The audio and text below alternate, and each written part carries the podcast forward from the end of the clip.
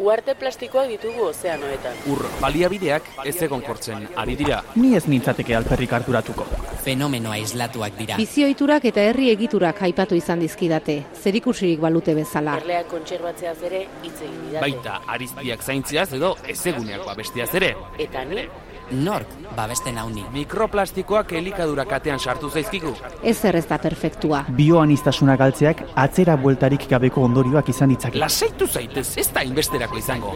energia erabilerari eta garraioari loturiko isuriak izugarriak dira. Ez du nik erabaki horrela izaterik. Aro geologiko bat markatzeko adinako eragina izan dugu. Evoluzioaren aztarna, arro, egoteko modukoa benetan. Baliabideen erauzketak arrakala sozialak handitu ditu. Zer diozu? Nik ez dut alakorik egin. Eragindako inpaktuak direla eta muturreko fenomenoak ugaritu dira. Nire inguruan ez dut hori sumatu. Euri azidoa bertan da. Bizitzak aurrera darrai. Bai? Ziur, Gelditu makinak. gelditu makinak.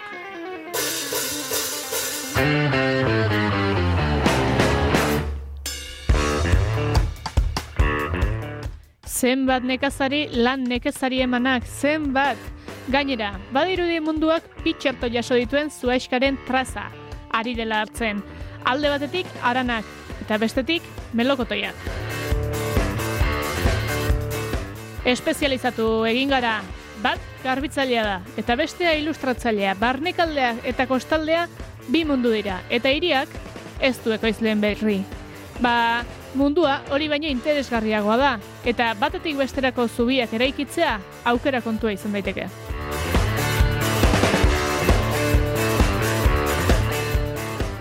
Asteburu honetan, azaroaren amarretik amabira izango da lurrama miarritzen, eta emazte laborariak izango ditu arlat. Lurramara joateko zer euraldi egingo duen, ez dizuegu esango, baina maialen martija ikerlariarekin enso fenomenoa landuko dugunez, agian, gai izango zarete ondorioren bat ateratzeko. Bate daki.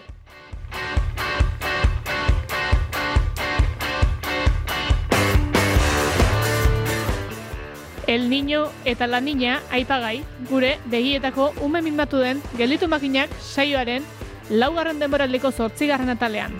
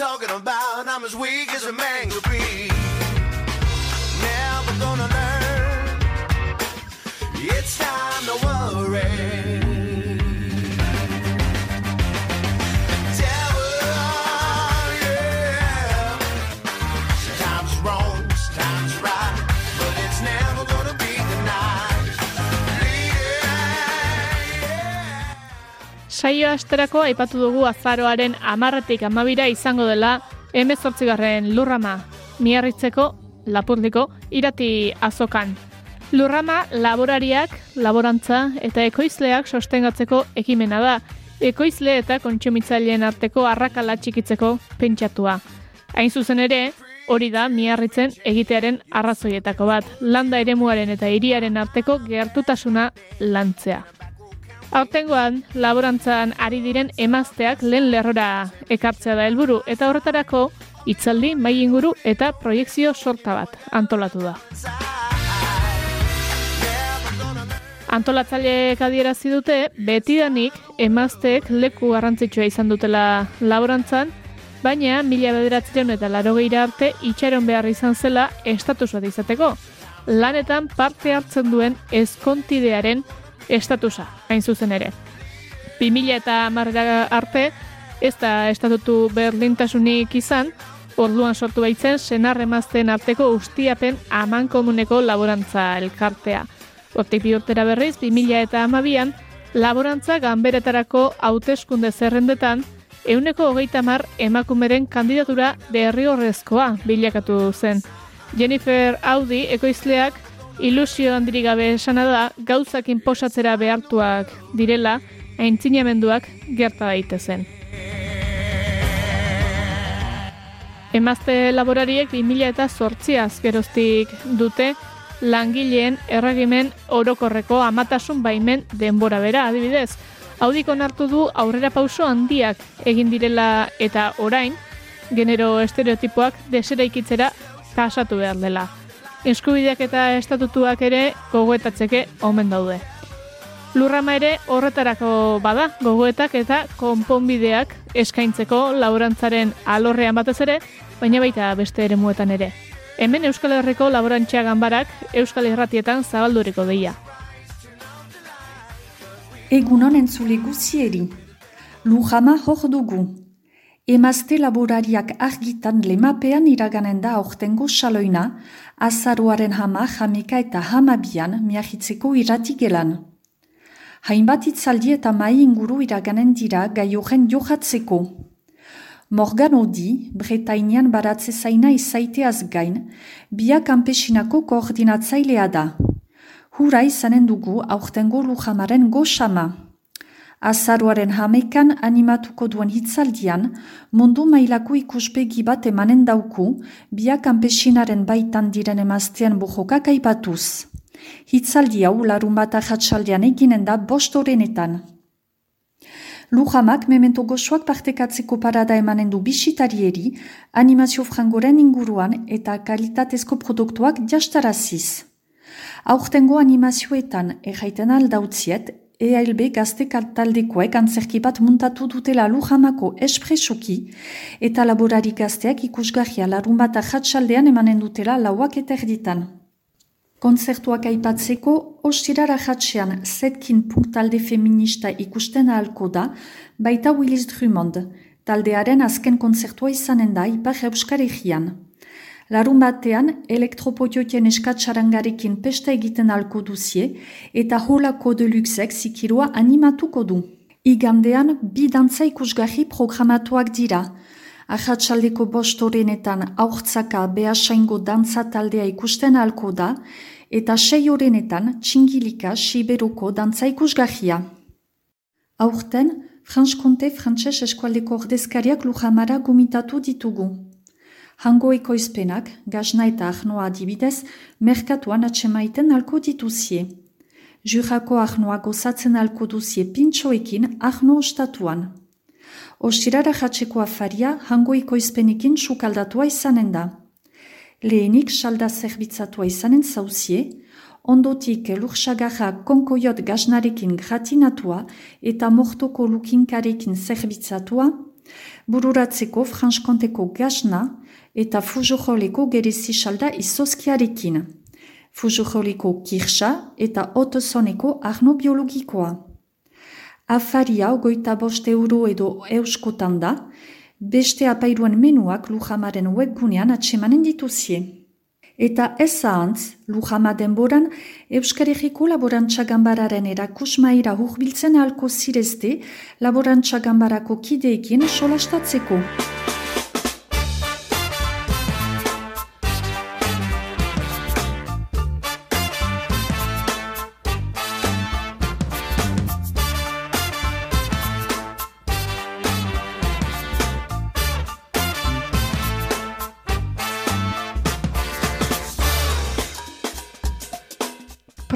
Programazioaren xitasunak izateko mai inguruetako izlariak nor diren, ordutegiak, iratiaretoaren antolamendua. Eta beste, lurramaren atarian sart zaitezkete eta bertan duzue informazio osoa eskuragarri. Feel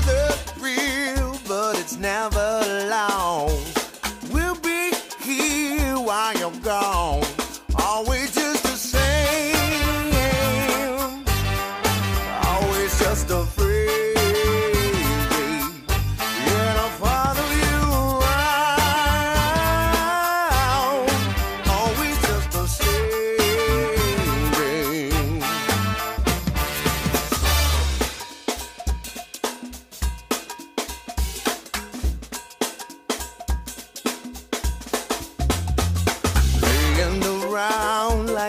got time to kill. Head in the clouds and your hands off the wheel. Feel the thrill, but it's never long.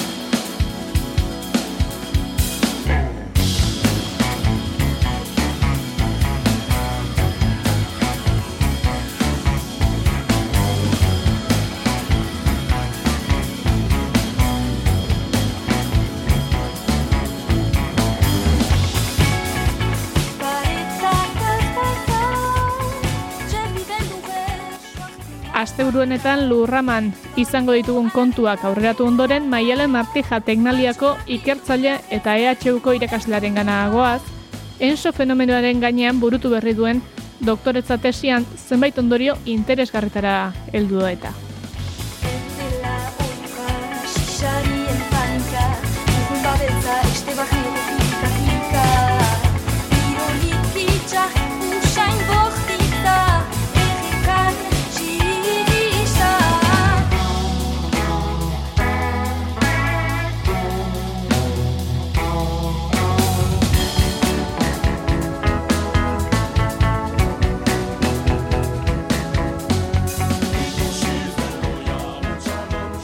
Gelditu makinak saioan pein eta berriz agertzen zaigun ikuspuntua da ezagutza eta ulermena ezinbestekoak direla neurri eta jokabideak hartzerako orduan. Gaurkoan ulertu nahi handia diogun gai bati helduko diogu, meteorologiari. Baina ez bere zabalean, enso fenomenoa landuko dugu Maialen Martija adituarekin. Ongi etorri Maialen. Apa, eskerrik asko. Tira, sarrera pixkat egingo izugu eta teknaliako ikertzaile zara, Euskal Meteko meteorologoa ere bai, baita EHUko irakasle ere, eta jakin dugunez fisikaren bietik hurbildu zinen meteorologiara, iragarpenetan lanean ereitu eta ondoren ikerketara egin zenuen salto. Konta iguzu zer, zer piztu zizun ik- ikerketarako harra?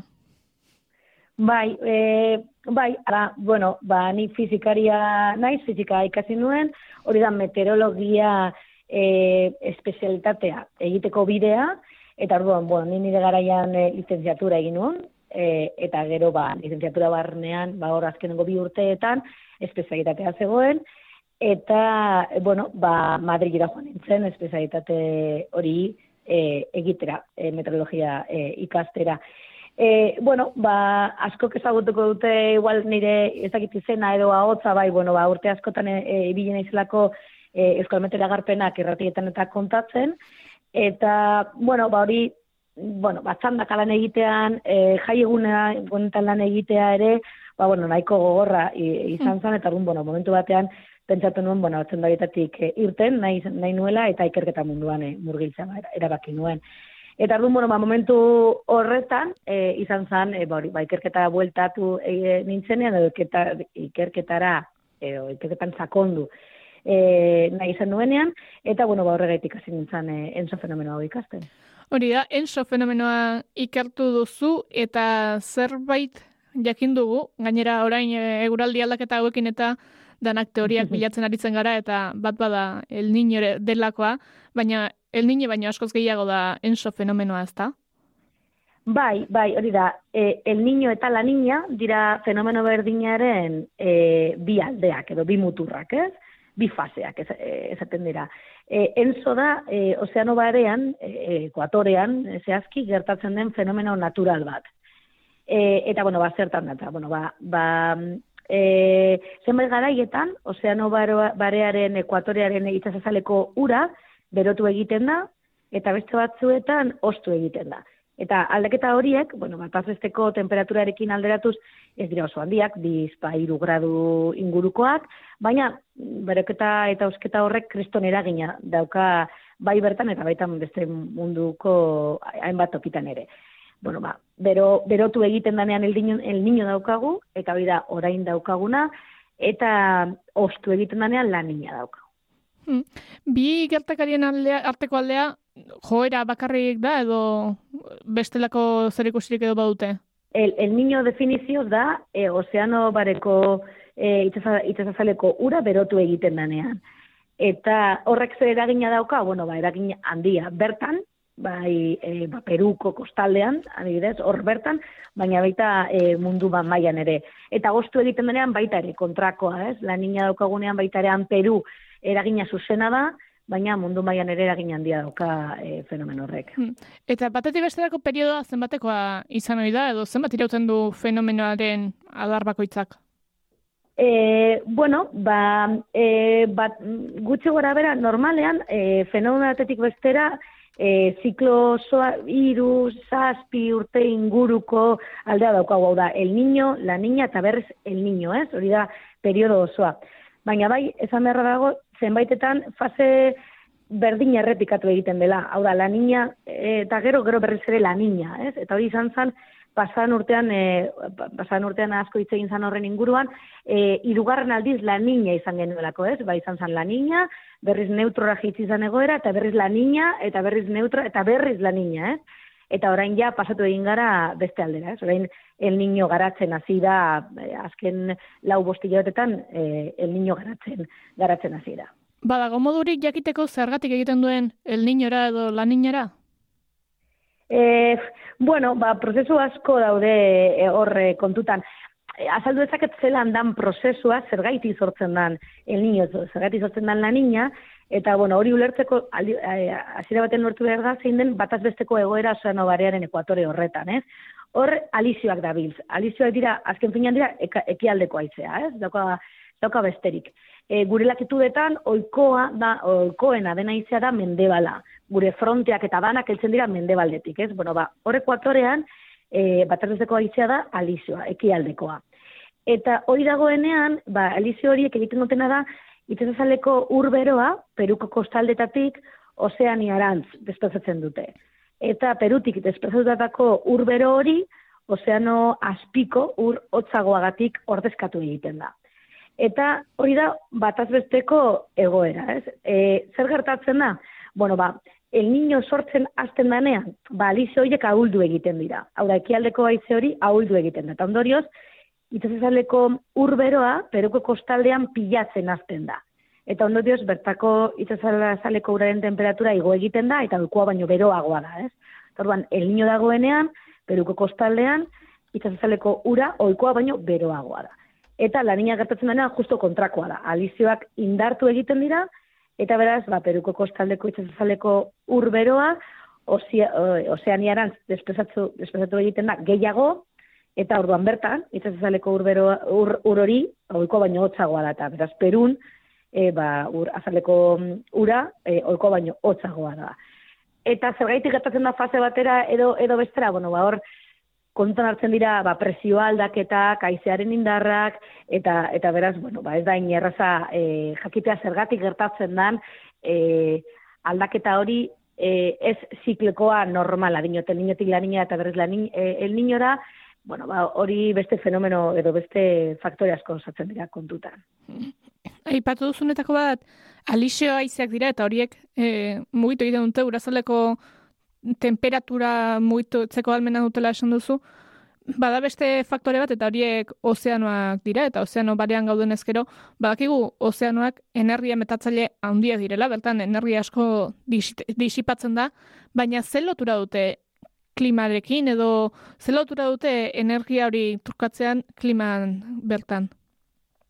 Bai, e, hori da, bai, elizioak egiten dutena da, e, itsasazaleko ura mugitu, desplazatu, eta orduan, deno ez, e, eguzkiagatik berotu egiten dela gehiago itsasazaleko e, ura, eta hori mugitu ez gero alde batetik bestera, ba, hor azpiko ura e, igo egiten da, eta hori hotzagoa dala, ez? Hori da egiten dutena alizioak. Zer gertatzen da ozeanoetan? Bueno, ba, ozeanoek beroa almen handia daukate. E, urak, berak, ez, beroa almen handia dauka. Eta horrek zer nahi du? Bueno, ba, energia handia behar dela uraren temperatura aldatzeko. Atmosferaren temperatura aldatzeko e, errezaz, errezago aldatzen dugu, ez? Deno dakigu, e, airearen temperatura, aldatu da, minimo bat daukagu goizan goiz, maksimoa eguerdian, eguzkiak e, berotzen duelako atmosfera.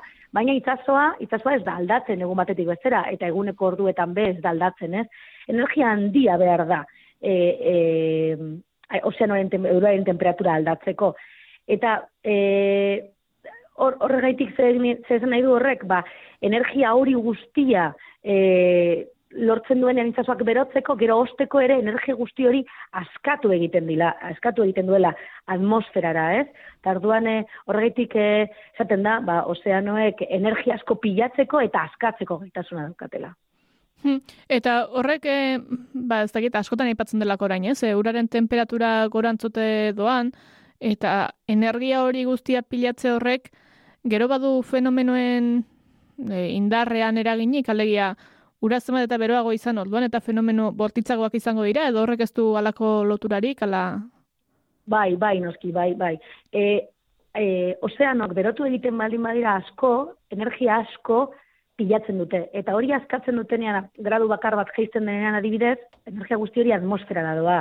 Eta atmosferak, energia guzti horrekin, zer egiten du, bueno, ba, islatu egiten du, hartu egiten du, zurgatu egiten du, e, islatu, e, trasladatu egiten du, ez, adibidez, e, oso zuzena da e, ulertzea adibidez, e, ba, e, ozeanoa beroagoa dagoenean, e, lurruna errezago gertatzen da, eta ardun bero deiak, e, trumoiak ekartzen dituzte odeiak ere, handiagoa dira, potenteagoa dira, eta horre hori islatzen da, edo gero lortzen duguna ba, ba, trumoiek eitza handiagoak, eta parra bortitzagoak, ez?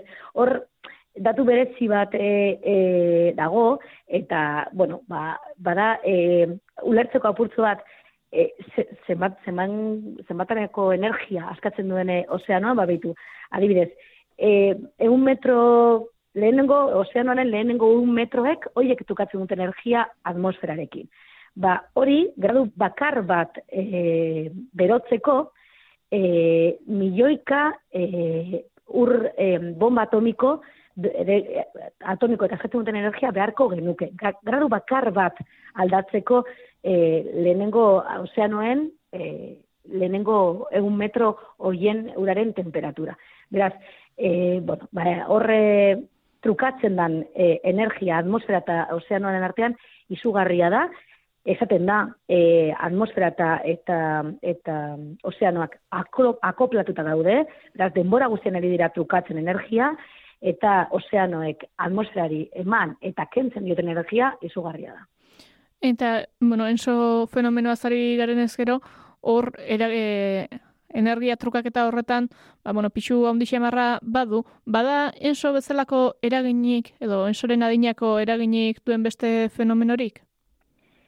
Ba ez, ez dago este fenomeno naturalik horrelakorik e, e, eragina da, horrelako eragina daukatenak.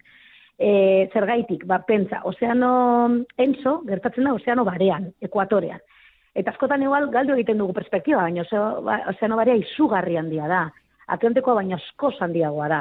Eta beraz, ozeano bero, ba- bare hori e, gradu bat edo bi berotzen baldin bada, hor pilatzen den energia da ikaragarria.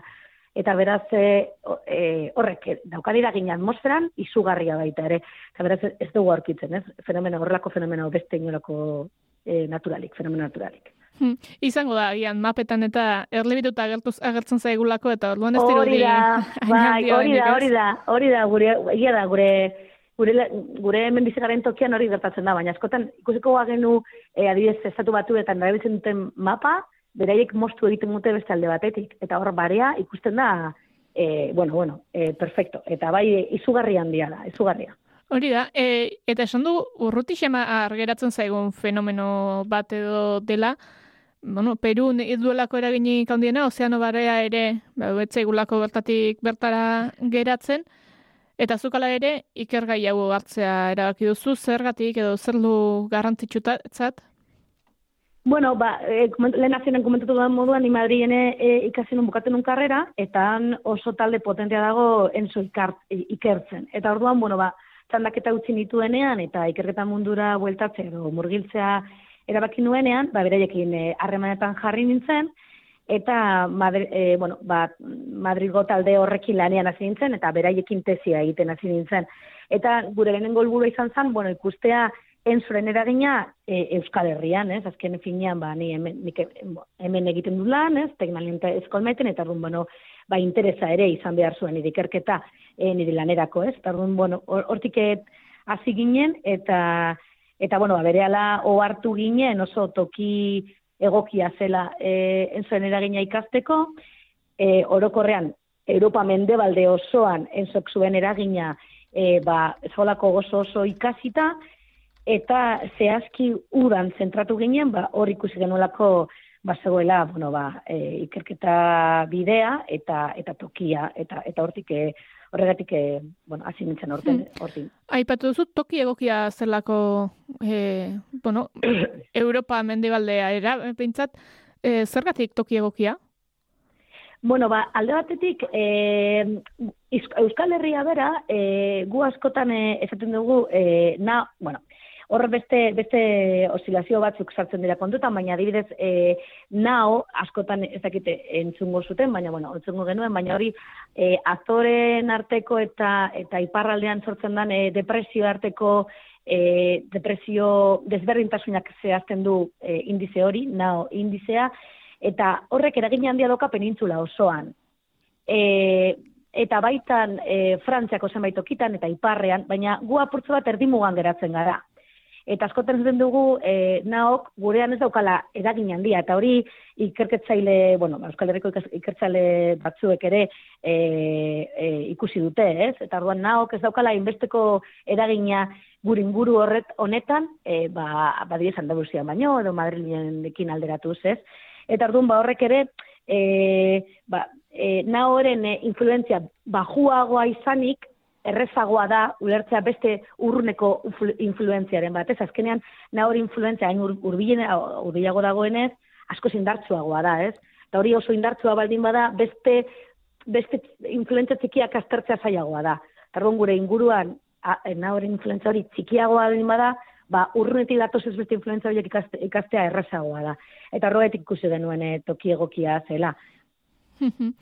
e, eragin hoiek edo influentzia hoiek ikertzeko ordea zein da, ze metodo erabiltzen da, estazio despainetako informazioa biltzen da, edo bestelako datu historikoetara jotzen da, udan ikertu zenutela esan duzu, hori ere adierazgarri Bai, egin bai. zaigu. Bai, e, oro, oroar, e, bueno, nik urtauro osoak ikusi genituen hasi bat, hasi bere, hasi era batean, baina udan ikusi genituen e, ondorio politak. Eta udan e, oso ikerketa gutxi daude. Enzo fenomeno ez dugu aipatu, baina bere muturra neguan e, iku- ikusten da. Deitzen da el niño justo horregaitik, ez? Jesus umetzoagatik, e, bere muturra hor abendua, abendu bukaeran neguan daukalako. Horrela jarri zioten izena Peruko eh eh hauek eh, zen za? Perun eh ai ama. Arrantzalek, barkatu, Peruko arrantzalek jarri zioten izen hori eh, bere momentuan. Eh, ikusi zutelako fenomenoaren muturra hor justo, ez? Gabon inguruan zela. Zer gertatzen da, ba, uda urruti dagoela hortatik, eta orduan ikar, eh, ikerta gutxi zeuden. Eta orduan gu ondoriak ikusi genituan, ikusi genituen esango, ba, hemendik ibiliko gara, zen, hemendik badago bidea, ez, hortik ibiltzeko. Eta zein da metodoa, bueno, bazkenean metodo zientifikoa, hori da jarraitu behar den metodoa zientzia munduan, entegreta munduan, ez? Datuekin lan egiten dugu, gu pasadan mende erdialdetik aurrerako datuekin, hau da mila bederatzion da berrogeta amargarren urtetik aurrerako datuekin, horiek datuak bai atmosferakoak, bai ozeanoarenak, a- bueno, ba, ozeanoan itsasazaleko temperatura itsasoarena, atmosferan ba, temperatura, presioa, e, bueno, e, presioa maila desberdinetan, e, itsase azalean eta baita goi mailetan ere, ez, ba, bueno, ba, atmosferaren e, ba, ba, kolumna oso aztertzeko, eta E, bueno, ba, hor, erlazioak, erlazioak bilatzen dira, erlazio estadistikoak, tesak ere, test estadistikoak ere, ere erabiltzen, dira, ondorio horiek e, ba, indart, indartsua direnez edo ez e, ikusteko, irudiak ateratzen dira, mapak, bueno, ba, horrela egiten da lan. Hmm. Eta, bueno, aipatu bezala, ondorio batzutara heldu zineten, horietako bat, eta aurrerapen txiki bat egingo dugu, uste guztien kontra, eragin handia duela fenomeno honek Euskal Herrian ere, ez? Bai, bai, bai, hor- bai, egia da, e, hori izan zen ondorio garrantzitsuena. E, gert, zer gertatzen da, entzoren eragina Euskal Herrian ez dela beti berdina. Euskal Herrian edo Europa mendebalean, eh? ezin dugu, ezin dugu pentsa, enzo, tik hain urrutetik datorren zerbait bakarrik eragina izan dezakela puntu batean eta ez ondokoan, ez? Beraz, Europa mendebalde osoan, ez? Ikusi, bueno, egia da, Euskal Herria puntu egokia dela, baina hortik e, abiatuta ondorioak em, e, Europa mendebalde osora zabaldu daitezke, ez? Eta bueno, ba, ez dela berdina garai desberdinetan, hau da, hamarkada batzuetan, besteetara eta besteetara aldatu egiten da. Zenbait e, ika- e, hamarkadetan, el niñok eragin bat dauka Europa mendebaldean, eta el niño berak beste hamarkadetan desberdina, ez? Eta askotan horregaitik, apurtzu bat e, eskutatuta zegoen e, eragina, ez? E, ik- ikerketa askoetan, askotan ez dute kontutan har- hartzen aldaketa horiek. Eta orduan ez dute oroar hartuta ez dute eraginik ikusten. Baina hamarkada hamarkada aztertzen baldin bazoaz, orat agertzen dira edo edo bat, lortzen ditugu eragin horiek, ez? Eta bueno, horrela, e, bataz bestean esan genezake e, bueno, ba, el niño daukagunean, uda, honetan gertatu den e, bezala, uda garatzen hasi da, e, el niño garatzen hasi da e, azken bost hilabetetan, eta zer gertatzen da, bueno, ba, normalean e, el niño daukagunean, e, uda ohikoa baino euritsuagoa da. Eta hori, bueno, urtako, urtango, aurtengo udan, bai izan ditugula trumoiek itzindartzuak, eta bueno, ba, hori errazionatu daiteke el niñorekin. Eta aldiz, la niña daukagunean, hori pasadan uran, udan gertatu zan, e, ba, normalean, e, bueno, ba, gure inguruan uda horiek ohikoak baino beroagoak dira, eta pasadan urra, udan ere hori bete egin zan, ez? E, ur, u, e, uda beroa izan zan pasa aurrekoa. Hmm. Zure ingurukoak agian ez, baina zu pozarran egongo zinen, ez? Zure teoriak betetzen zirela ikusita. Bai, bai, egia da, egia da, bai, hori da, bai, ni askotan, askotan esan dute, zu da, hau asterakoan, el niño garatzen hasi zen, esan nahi dut euritzua izatea, eta jende behatzen ninduen, eta zantzela, nahi euritzua, bai, bai, nik, nik hori behar dut, ez, ni nahi dudana da nire ikerketak betetzea, eta bai, posik nago horrekin, bai. Ba, alako ondoriotara heldu eta, bueno, betetzen direla ikusteak berak, izango du, ba, eguralde iragarpenak egiterako orduan, e, aldaketa bat ekarriko du, edo, edo izango du, bueno, aintzat hartzeko beste faktore bat izango da. E, bai, bai, e, ira, e, hori da, eguraldi iragarpenari begira, entzoke daukan e, ekarpen izan dateke oso oso handia. Ondo ulertuta entzoke Europa mendebaldean duen eragina, ba, horrek urtaroetako iragarpenak hobetzeko lagunduko du. E, bueno, nire kasuan udako iragarpena ez, baina bueno, ba, urtaro desberdinak ikasten direnean, e, ba, urtaro desberdinetan. E, azkenean, kontan izan beharra dago, enzo fenomena aurre ikusi daitekeela, ez? El niño garatzen azten danean, hilabetetan ematen du garatzen. Eta gero tontorra jotzen du, esan dugun moduan gabon inguruan, eta berriro ere hilabeteak ematen ditu ahultzen, ez? Gero ondoren la niña garatzen azteko, ero berriz el niñoren komentatu dugun moduan, ez? Baina horrek, el niño garatzen azten denean, ja iku, aurrikus daiteke, ondorengo hilabetetan el niño izango ditugula, hilabetetan edo urteetan, ere? Eta beraz, el niño fasean egongo garela, eta beraz, ondo ulertuta, el niño horrek ze, zelan baldintzatzen duen Europako egu- eguraldia, e, Europako eguraldiain nondin norakoak, ba, urtaroko iragarpenak hobetu daitezke bai. E, fenomenoak eguraldiarekin lotura duela ikusi dugu, ez? Ba, el niño tokatzen denean, uda euritxoagoa izango dela edo, hala ere, eguraldiaz arago, alegia, e, klimara helduko bagina, fenomeno honek ba, badu kliman eragiteko besteko indarrik? Bai, bai, bai, noski, bai, bai. Enzok, e, mundu mailan aldakortasun klimatikoa azaltzen duen fenomeno garrantzitsuena da. Eta zer esan nahi du hori? Ba, zer esan nahi du horrek? Ba, toki batean daukagun klima, toki horretan daukagun eguraldiaren bataz bestekoa da, ez? Hori asko kulertzen dugu. Baina urte batetik bestera, klima horretan aldaketa txikiak agertzen dira. Ho- Horrei, horrei deitzen diogu aldakortasun klimatikoa, ez? Horri deitzen diogu hori. Eta aldaketa horietan, fenomeno ezberdin asko kartzen dute parte. Baina enzo, dugu e, guzti horien artean garrantzitsuena. Askotan enzok, bera bakarrik aldakortasun, aldakortasun horren ia euneko e, berrogeta amarra azaldu dezake gurean. Beraz, e, nahiz eta klima, batazbesteko klima bat euki, beti aldaketa dago, eta askotan guk izaten dugu, ba, aurtengo uda, oikoa baina apur bat beroagoa izan da. Aurtengo uda, apur bat baino euritzuagoa izan da. Normala baino apur bat e- euritzuagoa izan da, ez? Hor, hori da aldakortasun klimatiko hori, eta horretan entzok eragin handia dauka.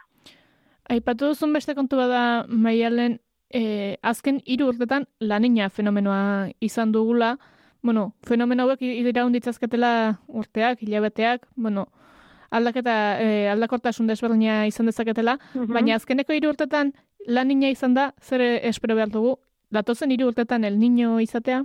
Ez, ez, ez, ez du zertan horrela izan behar, eh? Hori ondorio El- simplegia zen, ez, agian. Oh, bai, hori da. Ez da izan, izan da berezia. E, pasan urtean, bueno, ba, arroputza handia izan zuen, eh, horrek, eh? Ze, ze benetan e, e, berezia izan zen, irrugarren aldiz, ez urtez, eh? Baizik, ze urte bako, e, la niña bakoitza urte bete baino gehiago iraun dezake, eh? Zi- fase hori.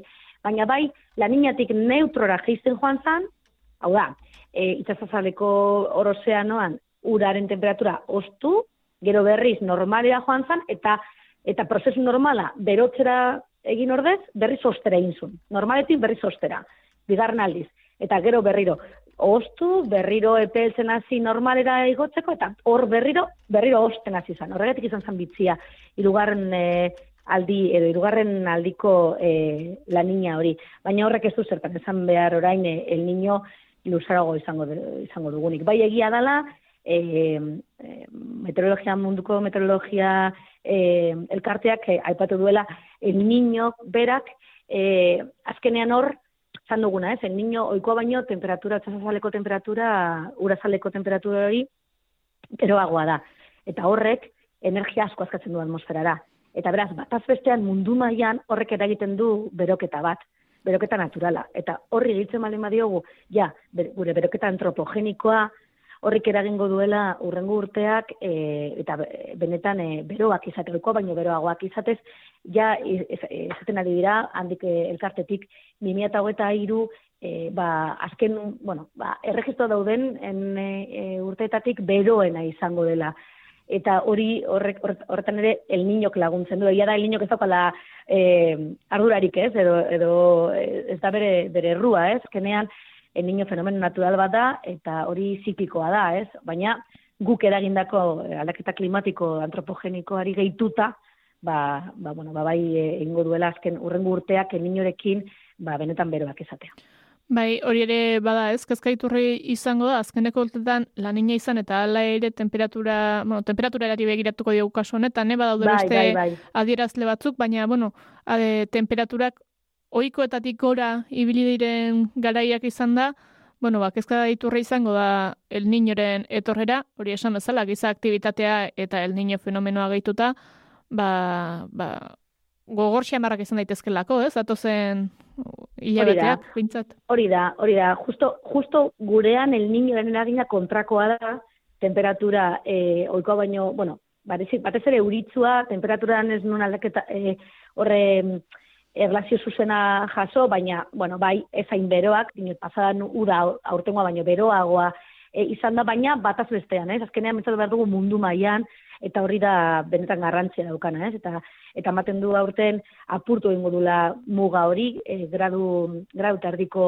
e, beroketa, eta horrek eragin handiak eta oso gogorrak izan ditzake mundu mailan izatez, baditugu ozeanoak oikoak, baino askoz beroagoak, eta hori benetan oso oso e, ikusgarri izaten ari da azken, e, azken hilabetetan, zelan ozeanoen temperatura, batezesteko temperatura, e, bueno, ba, oikoa baino, baino gradu erdi edo gradu bete e, bataz bestean mundu mailan, eh? eta hori benetan ez da inoiz gertatu, hori oso oso oso harrigarria da eta eta bueno, ba, ba bai, e, adi biltzeko behintzat bai. Bai, eta, bueno, berriz ere ikerketara itzulita pixka bat, geroz eta informazio gehiago dugu, geroz eta jakintza handiagoa dago, iragarpenak egiterako orduan, gero eta metodo zehatzagoak eta teknologia finagoa daude, horrek zertan lagun dezakela uste duzu, edo zertan lagun dezake iragarpenetan zehatzagoak izateak? Bueno, ho- horrela alde batetik, bueno, ba gure egon, egunerokortasunean, ez? Orain gure elkarrizketan entzuten ari diren askok, ziur egunero eguraldiaren iragarpena erakortzen dutela edo entzuten dutela, e, goizan goiz arropa aukeratzeko, edo eta, bueno, buruari begira, ba planak egiteko, ez? Hori gure egunerokortasunean, baina askoz garrantzitsuagoa dena, bueno, ba, muturreko fenomenoak, e, hobeto aurreikusteko. O, eta hori eta horiei aurre egiteko, denbora gehiago izateko eta mm, ekar ditzaketen ondorioetara ere hobeto prestatzeko, ez? Azkenean iragarpen finak egitea beti da funtsezkoa, baina bereziki muturreko fenomenoaren den bat espero dugunean. Eta justo kasu horietan iragarpena egitea da zaildu, zaildu egiten da. Eta beraz gero eta hobeto ulertzen baldin badugu sistema klimatikoa, bai ozeanoak, bai beregin prozesuak, bai feno, eh, atmosfera, baita bi horien arteko harremanak, ba orduan eta hobeak izango dira iragarpenak eta bereziki muturreko fenomenei aurre egiteko prestatuago egongo gara. Ba, ba ea ala den, eta ea ez dugun zertan prestatuta egon, baina, bueno, egon bagaude hobeto. Mila esker maialen martija, gurean izateagatik, aipatuko du, teknaliako ikertzaile eta euskalmeteko meteorologoa, eta enso fenomenoa hain zehatz agertzeagatik gurean. Eskerrik asko zoi egon bidapenagatik. Eli pagolarekin geldituko dituzu makinak naiz irratian.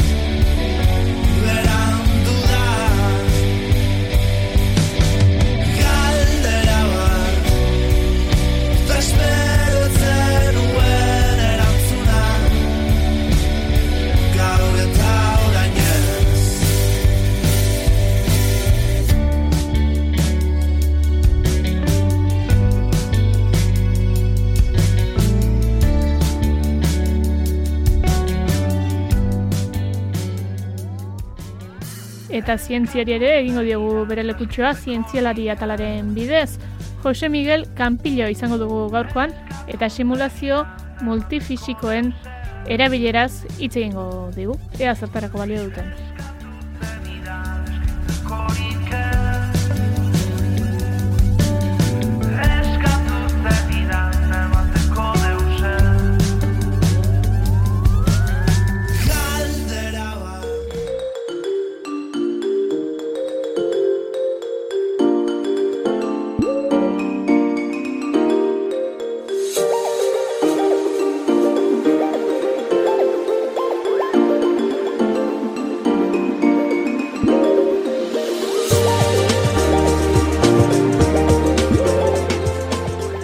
Gaur egun simulazio multifisikoak e, modan daude.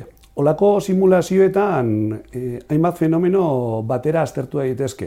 Simulatu daitezke akoplatuta. Hau da, adibidez, bateria batean guk e, hainbat fenomeno ditugu aldi berean gertatzen sistema oso konplexua delako. Orduan, bertan, bauzkagu korronte elektrikoak, bauzkagu e, efektu termikoak, bauzkagu e, difusio prozesuak, bauzkagu e, deformazio mekanikoak, eta hori guztiak guk simulazio multifizikoekin batera aztertu ditzakegu ekuazio diferentzialak akoplatuta daudela. Horrek e, almena ematen digu nolabait aurre ikusteko sistema horietan, sistema konplexu horietan zer gertatzen den etorkizunean. Simulazio multifizikoak oso lagungarriak dira adibidez e, bateria eta kondensadoren diseinu prozesuan. E, kontutan hartu behar dugu bateriak eta superkondensadoreak gaur egun gure gizartearen arlo gehienetan azaltzen diela. Mugikorretan, e, ordenagailuetan, ibilgailu elektrikoetan.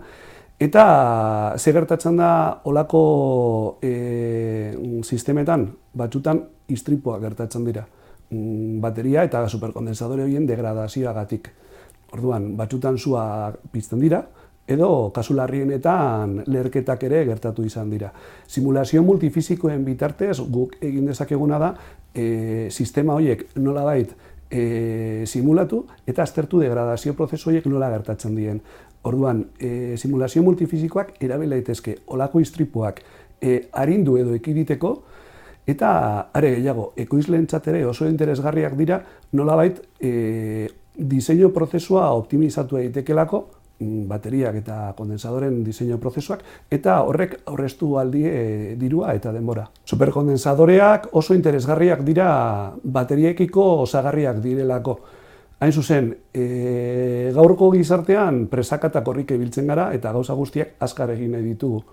E, adibidez, kotxe bat elektrikoa balima daukagu nahi dugu azkar kargatzea bat, e, telefono baten moduan. Orduan, e, gaur egungo bateriek mugak dituzte karga prozesu azkarrak egiteko. Superkondensadorek ordea oso azkar kargatu kargatze prozesuak dauzkate. Orduan, horregatik osagarriak dira. Arazoa zein da, superkondensadorek oso energia gutxi metatu dezakete. Bateriak aldiz, baterietan energia asko metatu dezakegu. Orduan, momentu honetan ikerlariak ari dira aztertzen nola handitu superkondensadore hauen e, energia metatzeko gaitasuna. Eta gu simulazio multifizikoak egiten ditugu, hoiei laguntzeko. Gure ikerketaren erronka nagusiak hiru dira. Alde batetik gure ikerketa taldean badaude ikerlari batzuk materialak garatzen dabiltzatenak, bateriak eta superkondensadoretarako, eta guk laguntzen diegu gure simulazio multifizikoetan material hoiek nolabait garatzen eta hobetzen. Beste helburu edo erronkaetariko bat da nola e, enpresekin kolaboratzea beraiek bateriak eta superkondensadoreak diseinatzen dituztenean e, dispositiboak, hoiek ere optimizatzeko nolabait diseinu geometrikoa eta bestelako parametroak optimizatzen laguntzen diegu. Eta gure hirugarren erronka da dauzkagun ikasleak, fakultatean dauzkagun ikasleak osonak dienak, e, nolabait mm, formatu egiten ditugu e, gero lan merkatuan sartu izateko.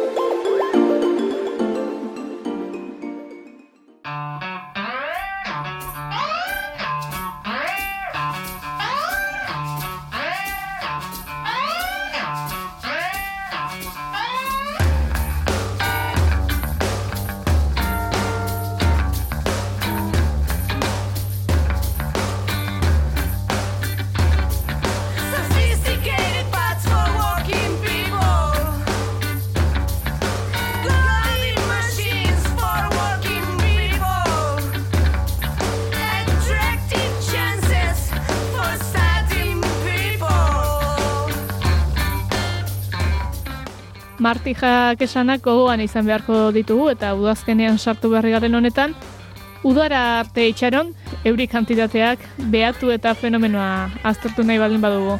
Hilabete mordoa falta denez, guk, astez aste, saio gehiago osatzen jarraitzeko aprobetxatuko dugu beraz, hemen txelkartuko gara datorren astean ere. Laster arte entzule.